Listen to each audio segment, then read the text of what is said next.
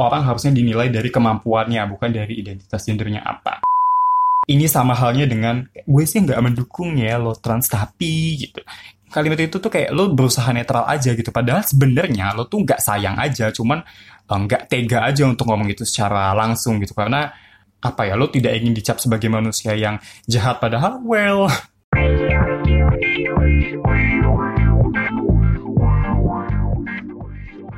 Halo, selamat datang dan selamat mendengarkan podcast Review SJW, sebuah podcast yang akan membahas isu sosial dan budaya dalam sebuah film atau TV series bersama gue Budi Winawan. Di episode perdana ini, gue akan bahas Itaewon Class. Ini adalah sebuah drama Korea yang lagi ngehits banget di Netflix. Bercerita tentang Park Seo-hye yang berusaha untuk mendirikan restoran nomor satu di Korea Selatan, mengalahkan Jangga. Jadi, semua ini berawal dari waktu pas Park Seo-hye masih SMP dia membuat keributan di sekolahnya karena waktu itu ada seseorang yang membuli secara fisik teman sekelasnya yang lain. Terus ternyata yang ngebully ini adalah anak dari Jang Dehe. Dia adalah uh, seorang pemilik restoran nomor satu di Korea Selatan yang tadi gue bilang itu. Nama restorannya Jangga. Nah terus uh, karena si Jang Dehe ini ternyata memiliki kuasa yang sangat besar di sekolah itu, mungkin dia uh, kayak semacam penyumbang utama atau pemilik yayasan. Gue nggak begitu paham ya. Cuman yang jelas uh, dia punya power, dia juga punya duit gitu. Jadi anaknya bisa bertindak seenaknya kan. Terus malahan si Seroye ini yang suruh minta maaf. Padahal kan yang ngebully justru anaknya si Jang Dehe ini kan. Tapi malah yang kena batunya jadi si Park Seroyi dan Park Seroyi malah nggak mau minta maaf kan karena dia merasa dia benar gitu. Kalau dia benar ya dia uh, harusnya nggak minta maaf dong. Dia punya prinsip yang sesaklek itu. Bahkan ketika akhirnya si bokapnya Seroyi ini juga dipanggil ke sekolah dia tetap gak mau minta maaf gitu kan. Nah terus malah uh, si bokapnya Seroyi ini jadi kayak uh, bangga gitu karena si Seroyi tetap memegang teguh prinsipnya. Bahkan ketika akhirnya uh, bokapnya Seroi ini dipecat karena ternyata kan bokapnya Seroi ini bekerja untuk Jang Dehe di restoran Jangga kan, salah satu cabangnya gitu. Nah, terus uh, akhirnya ya udah tetap si Park Seo ini itu tidak minta maaf. Dan waktu pas pulang dari sekolah dia bilang sekali lagi bahwa gue bangga banget sama lo gitu intinya kan. Nah terus dari situ uh, kemudian bokapnya Seroi ini juga kecelakaan dan meninggal. Dan ternyata pelakunya adalah anaknya Jang Dehe lagi. Jadi sangat kompleks banget. Dan uh, sebenarnya sangat klise ya mainstream gitu. Karena ini cerita yang sering ada drama-dramanya itu dan itu yang bikin gue capek nonton episode 1 dan 2 nya tapi cuman setidaknya tidak membosankan jadi gue masih bisa lanjut dan itu keputusan yang sangat uh, bagus kalau buat gue. Karena ternyata serialnya sampai akhir itu seru banget. Nah terus uh, setelah si bokapnya Seroi ini meninggal, si Seroi-nya kan gak terima dan tahu bahwa ternyata pelakunya adalah anaknya Jang Dehe ini, namanya Jang Geun Won by the way. Dan terus disamperin lah si Jang Geun Won itu ke rumah sakit. Karena si Jang Geun Won-nya itu juga luka-luka kan karena nabrak orang pakai mobil gitu. Nah akhirnya dipukul lah si Janggon Wadi ini di rumah sakit sama si Seroi dan terus akhirnya karena ketahuan polisi malah jadinya si Seroi ini yang dipenjara dan si Janggon Won tidak terbukti bersalah karena sekali lagi bokapnya punya kuasa jadi bukti-buktinya disingkirkan terus nyuap polisi dan jadinya Seroi yang dipenjara selama tujuh tahun kalau nggak salah nah terus setelah keluar dari penjara skiplah itu akhirnya si uh, berambisi untuk ngalahin si Jang Dehe dengan bikin restoran dan kemudian ingin bikin restoran itu besar dan mengalahkan Jangga. Yang di episode tadinya sebenarnya um, bisa dikatakan berhasil tapi nggak juga gitu ya. Karena meskipun akhirnya restorannya si Seroi ini besar tapi setidaknya tidak sebesar Jangga walaupun Jangga pada akhirnya spoiler alert runtuh gitu.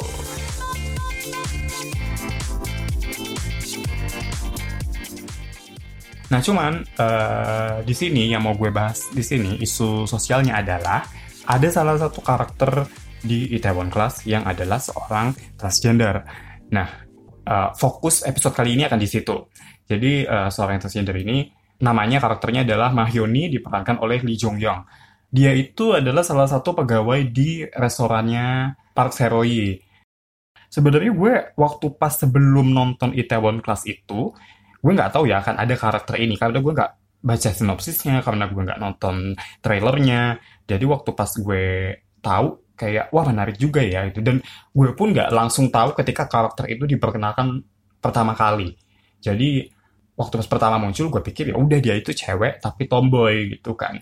Cuman ternyata penggambarannya itu di situ dia malah setidaknya sebelum dia ketahuan identitas sebenarnya yaitu sebenarnya adalah laki-laki gitu. Karena uh, ada episode di mana teman kerjanya di restorannya Serui itu namanya Sengkwon dia ngajak Hyoni untuk ke pemandian bareng gitu. Terus gue kayak bukannya si Hyoni ini perempuan ya? Kok diajakin? Gitu. Nah, terus waktu pas si Hyoninya nolak si Sengkwonnya juga malah jadi ngerasa kok gitu sih lo nolak ajakan untuk ke pemandian bareng? Gitu. Padahal harusnya wajar dong kalau misalnya cewek nolak tapi ternyata di situ adalah si Sengkwon itu mikirnya si Hyoni ini adalah eh, laki-laki gitu makanya diajakin ke pemandian bareng dan waktu pas nolak jadinya agak-agak ngerasa aneh gitu karena mereka kan udah deket gitu kan temenannya. Terus kemudian diajaklah si Sengkuan ini ke klub sama si Yiso sama Gen, sama Gensu. Jadi mereka ini juga uh, salah satu karyawannya si Seroi kan. Dan si Sengkuan itu belum pernah ke klub gitu. Akhirnya ke sanalah dan terus bertemulah. Secara nggak sengaja si Sengkuan ini sama Hyuni dan si Hyuninya itu berpakaian seperti perempuan di situ.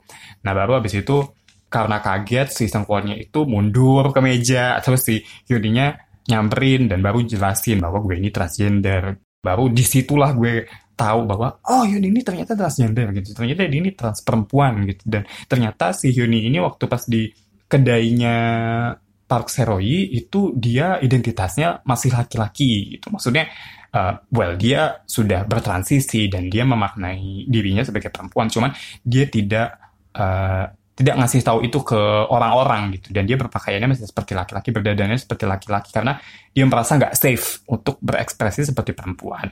Cuman kalau malam di klub gitu baru dia merasa safe.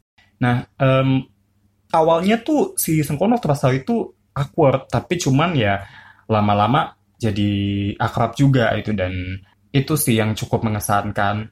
Terus uh, konfliknya si Hyuni di serial Itaewon Class ini juga sebenarnya porsinya nggak besar ya, cuman ada uh, salah satu atau beberapa episode gitu yang uh, itu cukup gede untuk karakter si Hyuninya sendiri, walaupun uh, dan juga cukup berpengaruh untuk perkembangan kedainya si Seroi. Jadi waktu itu kedainya Seroi ini kan ikut kompetisi di TV gitu, kompetisi restoran-restoran yang nanti akan dicap sebagai restoran uh, nomor satu gitulah. Judulnya kedai terhebat apa kalau nggak salah. Nah si Hyuni ini kan head chefnya di sana di kedainya si Seroyi. Jadinya dia ikut untuk mewakili kedainya si Seroyi ini. Nah terus itu berjalan lancar tuh waktu pas babak penyisihan. Cuma waktu pas final itu kan akhirnya antara kedainya Seroyi dengan kedai Jangga yang adalah kedai bebuyutannya si Seroyi itu kan yang berusaha untuk dia kalahkan gitu. Nah terus uh, di episode finalnya di acara kompetisi itu, si kedai jangga ini melakukan trik curang yaitu dengan membongkar identitas gendernya si Hyoni. Itu. Jadi di situ sangat menggambarkan sekali bahwa ketika seseorang ini tahu identitas gender kita yang sebenarnya, langsung deh persepsi orang tuh akan sangat berubah dan mengabaikan prestasi yang kita punya, kemampuan yang kita punya. Jadi kayak waktu pas orang-orang taunya si Hyuni ini laki-laki, orang itu ya mengaknowledge kehebatan dia dalam memasak, itu bahwa mak makanannya enak. Tapi cuma waktu pas ketahuan bahwa si Hyuninya ini adalah perempuan, pandangan masyarakat jadi beda gitu. Emang boleh ya transgender itu ikut kompetisi kayak gini? Emang boleh ya transgender itu jadi koki di restoran? Gitu. Jadinya kayak orang lebih fokus ke identitasnya dia, bukan apa yang dia buat ya itu adalah masakan uh, yang enak. Dan ini akhirnya kan bikin si Hyuninya takut kan karena dia jadinya malah dijudge dan takutnya kedainya si Seroyi juga ikutan dijudge selalu mendapatkan cap yang buruk dari masyarakat karena si uh, karena kelompok transgender kan memang juga dapat stigma yang jelek ya dari masyarakat. Jadi stigma itu mengikuti mereka ke mana pun. Dan stigma negatifnya itu tanda kutip jadi semacam menular gitu. Padahal kan tidak harus seperti itu sebenarnya. Dan uh, sempet tuh si Hyuninya nggak mau maju ke final.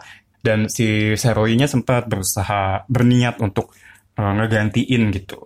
Cuman akhirnya setelah si Hyodinya ini coba mikir lagi baik-baik, dia kemudian melawan rasa takut itu dan memutuskan untuk tetap tampil dan sambil coming out di televisi.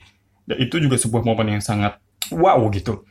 Karena Korea Selatan itu kan masih konservatif ya. Dan settingan di drama itu pun sebenarnya juga masih begitu. Makanya ketika ada momen coming out di televisi itu, itu merupakan sebuah apa ya momen yang sangat berani karena uh, beresiko mempertaruhkan nama baik kedainya si Seroi juga dan nama baiknya si uh, Hyoni juga kan. Kalau nah kalau misalnya orang ketahuan transgender kan jadi kalaupun misalnya terus dia keluar dari kedainya Seroi karena suatu alasan apa pun, dia sulit untuk mendapatkan pekerjaan lain karena orang-orang udah tahu identitas gendernya dia gitu. Uh, dia akan banyak mendapatkan penolakan yang itu tidak bisa dibenarkan tentunya ya karena orang harusnya dinilai dari kemampuannya bukan dari identitas gendernya apa. Nah terus pun sekalinya si Hyuni itu menang di kompetisi memasak ini, itu karena ujian finalnya adalah blind test. Jadi si jurinya ini nggak tahu masakan yang mereka cicipi itu masakannya punya siapa. Apakah masakan punyanya kedai Jangga atau kedainya si Seroyi yang dimasak oleh si Hyuni ini. Jadi ketika akhirnya menang, yaitu menang karena masakannya aja, which is great in some way karena akhirnya yang di acknowledge itu adalah masakannya. Tapi di sisi lain, coba kalau jurinya itu tahu kalau itu yang masak Hyuni, bakalan dimenangin nggak? gitu sih. Jadi gue merasa agak-agak sedikit problematis sebenarnya di situ, tapi in a way kayak gimana ya? Untuk bisa empowering memang harus begitu sih pada akhirnya. Karena kalau ketahuan gendernya hasilnya bisa ditebak pasti si Hyodinya jadi dikalahin lalu malah ya susah gitu. Sedangkan kalau karakternya si Hyuni ini sudah diketahui trans lalu kemudian dimenangin di kompetisi itu oleh stasiun televisi itu. Jadi televisi itu kan dapat nama yang kurang baik atau gimana lah. Tapi cuman itu jadi too good to be true gitu kan. Jadi ya gue pribadi masih menerima plot yang seperti ini Nah tapi cuman yang bikin gue kesel itu adalah reaksinya si Sengkuan itu. Jadi waktu pas sebelum dia nonton di studio televisinya itu atau pas sesudahnya gitu ya dia sempat ribut kan sama si Tony gitu. Ya keribut-ribut kecil gitulah. Dan Tony ini salah satu karyawannya si Seroyi juga. Dia itu kayak bawa-bawa kodrat atau takdir gitu loh bahwa saatnya si Hyoni ini melawan kodrat, melawan takdir gitu bahwa dia ini uh, manusia yang tidak normal. Meskipun gue sebel banget sebenarnya dengan kalimat itu, tapi cuman kan secara praktik si Sengkuan ini kan tetap berteman, tetap memperlakukan Hyoni dengan baik, itu selayaknya manusia pada umumnya. Dan kayak nggak berusaha untuk mengkonversi si Hyuni ini supaya tobat atau hijrah atau segala macam nggak seperti itu. Dan ya buat gue itu udah good enough lah. Memang gue sendiri sebel ya dengan narasi melawan kodrat dan segala macam itu. Ini sama halnya dengan gue sih nggak mendukung ya lo trans tapi gitu. Kalimat itu tuh kayak lo berusaha netral aja gitu. Padahal sebenarnya lo tuh nggak sayang aja, cuman eh, nggak tega aja untuk ngomong gitu secara langsung gitu. Karena apa ya lo tidak ingin dicap sebagai manusia yang jahat padahal well sebenarnya lo uh, ya bisa dibilang agak jahat sih dengan seperti itu. Cuman gimana ya kayak straight people cis people don't know any better ya. Jadi gue pribadi menangkap kayak secuil cinta yang mereka berikan yang ada dari mereka itu kita ambil aja lah ya. Kalau misalnya uh, hal-hal uh, yang kebenciannya ya udah kita abaikan dulu aja. Selama ada secuil cinta yang mereka berikan ya kita terima aja dulu. Gitu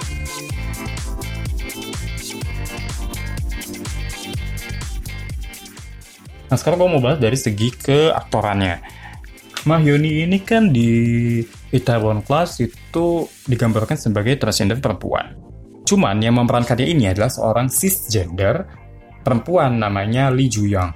Buat lo yang belum tahu, cisgender itu maksudnya adalah orang-orang yang terlahir sebagai perempuan dan memaknai dirinya sendiri sebagai perempuan juga. Jadi jenis kelamin dan identitas gendernya itu sejalan. Jadi misalnya kalau kayak uh, seorang lahir dengan vagina itu kan jenis kelaminnya perempuan. Tapi ketika dia memaknai dirinya sebagai laki-laki, jadinya dia trans laki-laki. Cuman kalau misalnya uh, orang ini lahirnya bervagina lalu memaknai gendernya sebagai perempuan, berarti kan itu sejalan nih. Nah, itu namanya cisgender gitu. Nah, um, sebenarnya seseorang cisgender memerankan karakter trans itu tricky dan bisa dibilang problematis. Kayak dulu kan sempat ada tuh si Eddie Redmayne memerankan trans perempuan di The Danish Girl. Dia bahkan sampai dapat nominasi Oscar. Nggak menang sih, tapi setidaknya dia dapat nominasi. Dan itu sebenarnya cukup bermasalah, karena kan itu udah tahun 2015, dan itu film Hollywood. Gitu. Dan memang ceritanya tentang transisi sih. Cuman kayak, trans actor itu hanya bisa dapat kesempatan bermain di televisi dan film sebagai karakter trans juga gitu. Jadi ketika ada cis actor yang memerankan karakter trans itu jadi kayak ngerebut lahannya mereka itu pertama. Dan kedua jadi merebut uh, narasi cerita kehidupan mereka karena kan yang mengalami perjalanan hidup sebagai seorang trans ya trans dong. Kalau misalnya seorang cis yang memerankan kan itu jadi kayak kurang representatif setidaknya. Atau mal atau bahkan tidak. Tidak representatif gitu kan. Kalau misalnya aktor gay yang diperankan oleh laki-laki straight itu masih mending gitu. Karena toh karakter gay yang kemudian berperan sebagai straight juga ada. Kayak Neil Patrick Harris misalnya dia kan gay. Cuman di How I Met Your Mother dia berperan sebagai laki-laki straight gitu dan itu tidak apa-apa sebenarnya masih agak problematis sih tapi tidak seproblematis seorang cis yang memerankan karakter trans itu jauh lebih problematis kan. Nah, cuman kalau di Itaewon Class ini, gue merasa kita masih bisa memaklumi ya, karena kan ini drama Korea Selatan, dan Korea itu layaknya negara-negara Asia lainnya masih konservatif soal LGBTQ, termasuk ya berarti soal trans juga. Tapi setidaknya yang memerankan karakter ini adalah seorang cis perempuan, bukan cis laki-laki toh juga ini ceritanya bukan tentang transisi gender gitu. Ceritanya si Mahyun ini sudah bertransisi, cuman kayak memang belum sampai operasi kelamin aja gitu. Cuman kan si Mahyun ini kan sudah karakter perempuan gitu. Karena kan ya trans woman is woman gitu. Jadi ketika yang memerankan si perempuan ya still acceptable lah ya. Itu juga gue merasa kayak udah bagus gitu. Ada cerita itu udah bagus ada karakter itu dan penceritaannya juga sudah lumayan representatif uh, struggle-nya dapet gitu dan tidak meromantisasi penderitaan seorang trans setidaknya dari kacamata gue dan juga support yang diberikan oleh teman-temannya itu juga bisa dibilang cukup karena ya tadi kan ada si Sengkwon yang kayak uh, I still love you but actually not really. Cuma secara praktek itu masih tetap bagus. Dan teman-temannya um, mereka tidak apa ya tidak they didn't say anything. Tapi cuman secara praktek mereka sangat menerima sekali. Termasuk si Seroi. Seroi bahkan sudah diceritakan sudah tahu identitas si Hyuni ini dari sejak mereka bertemu gitu dan tetap diterima anyway. Berarti kan tetap memandang Mahyuni ini uh, secara kemampuan. Well, walaupun waktu pas pertama ketemu sebenarnya si Hyuni ini juga nggak menunjukkan kemampuan memasak yang baik sih. Cuman si Seroi ini tetap memberikan kesempatan gitu dan tetap memandang si Hyuni sebagai seorang manusia gitu, tidak terlalu mempermasalahkan identitas gendernya.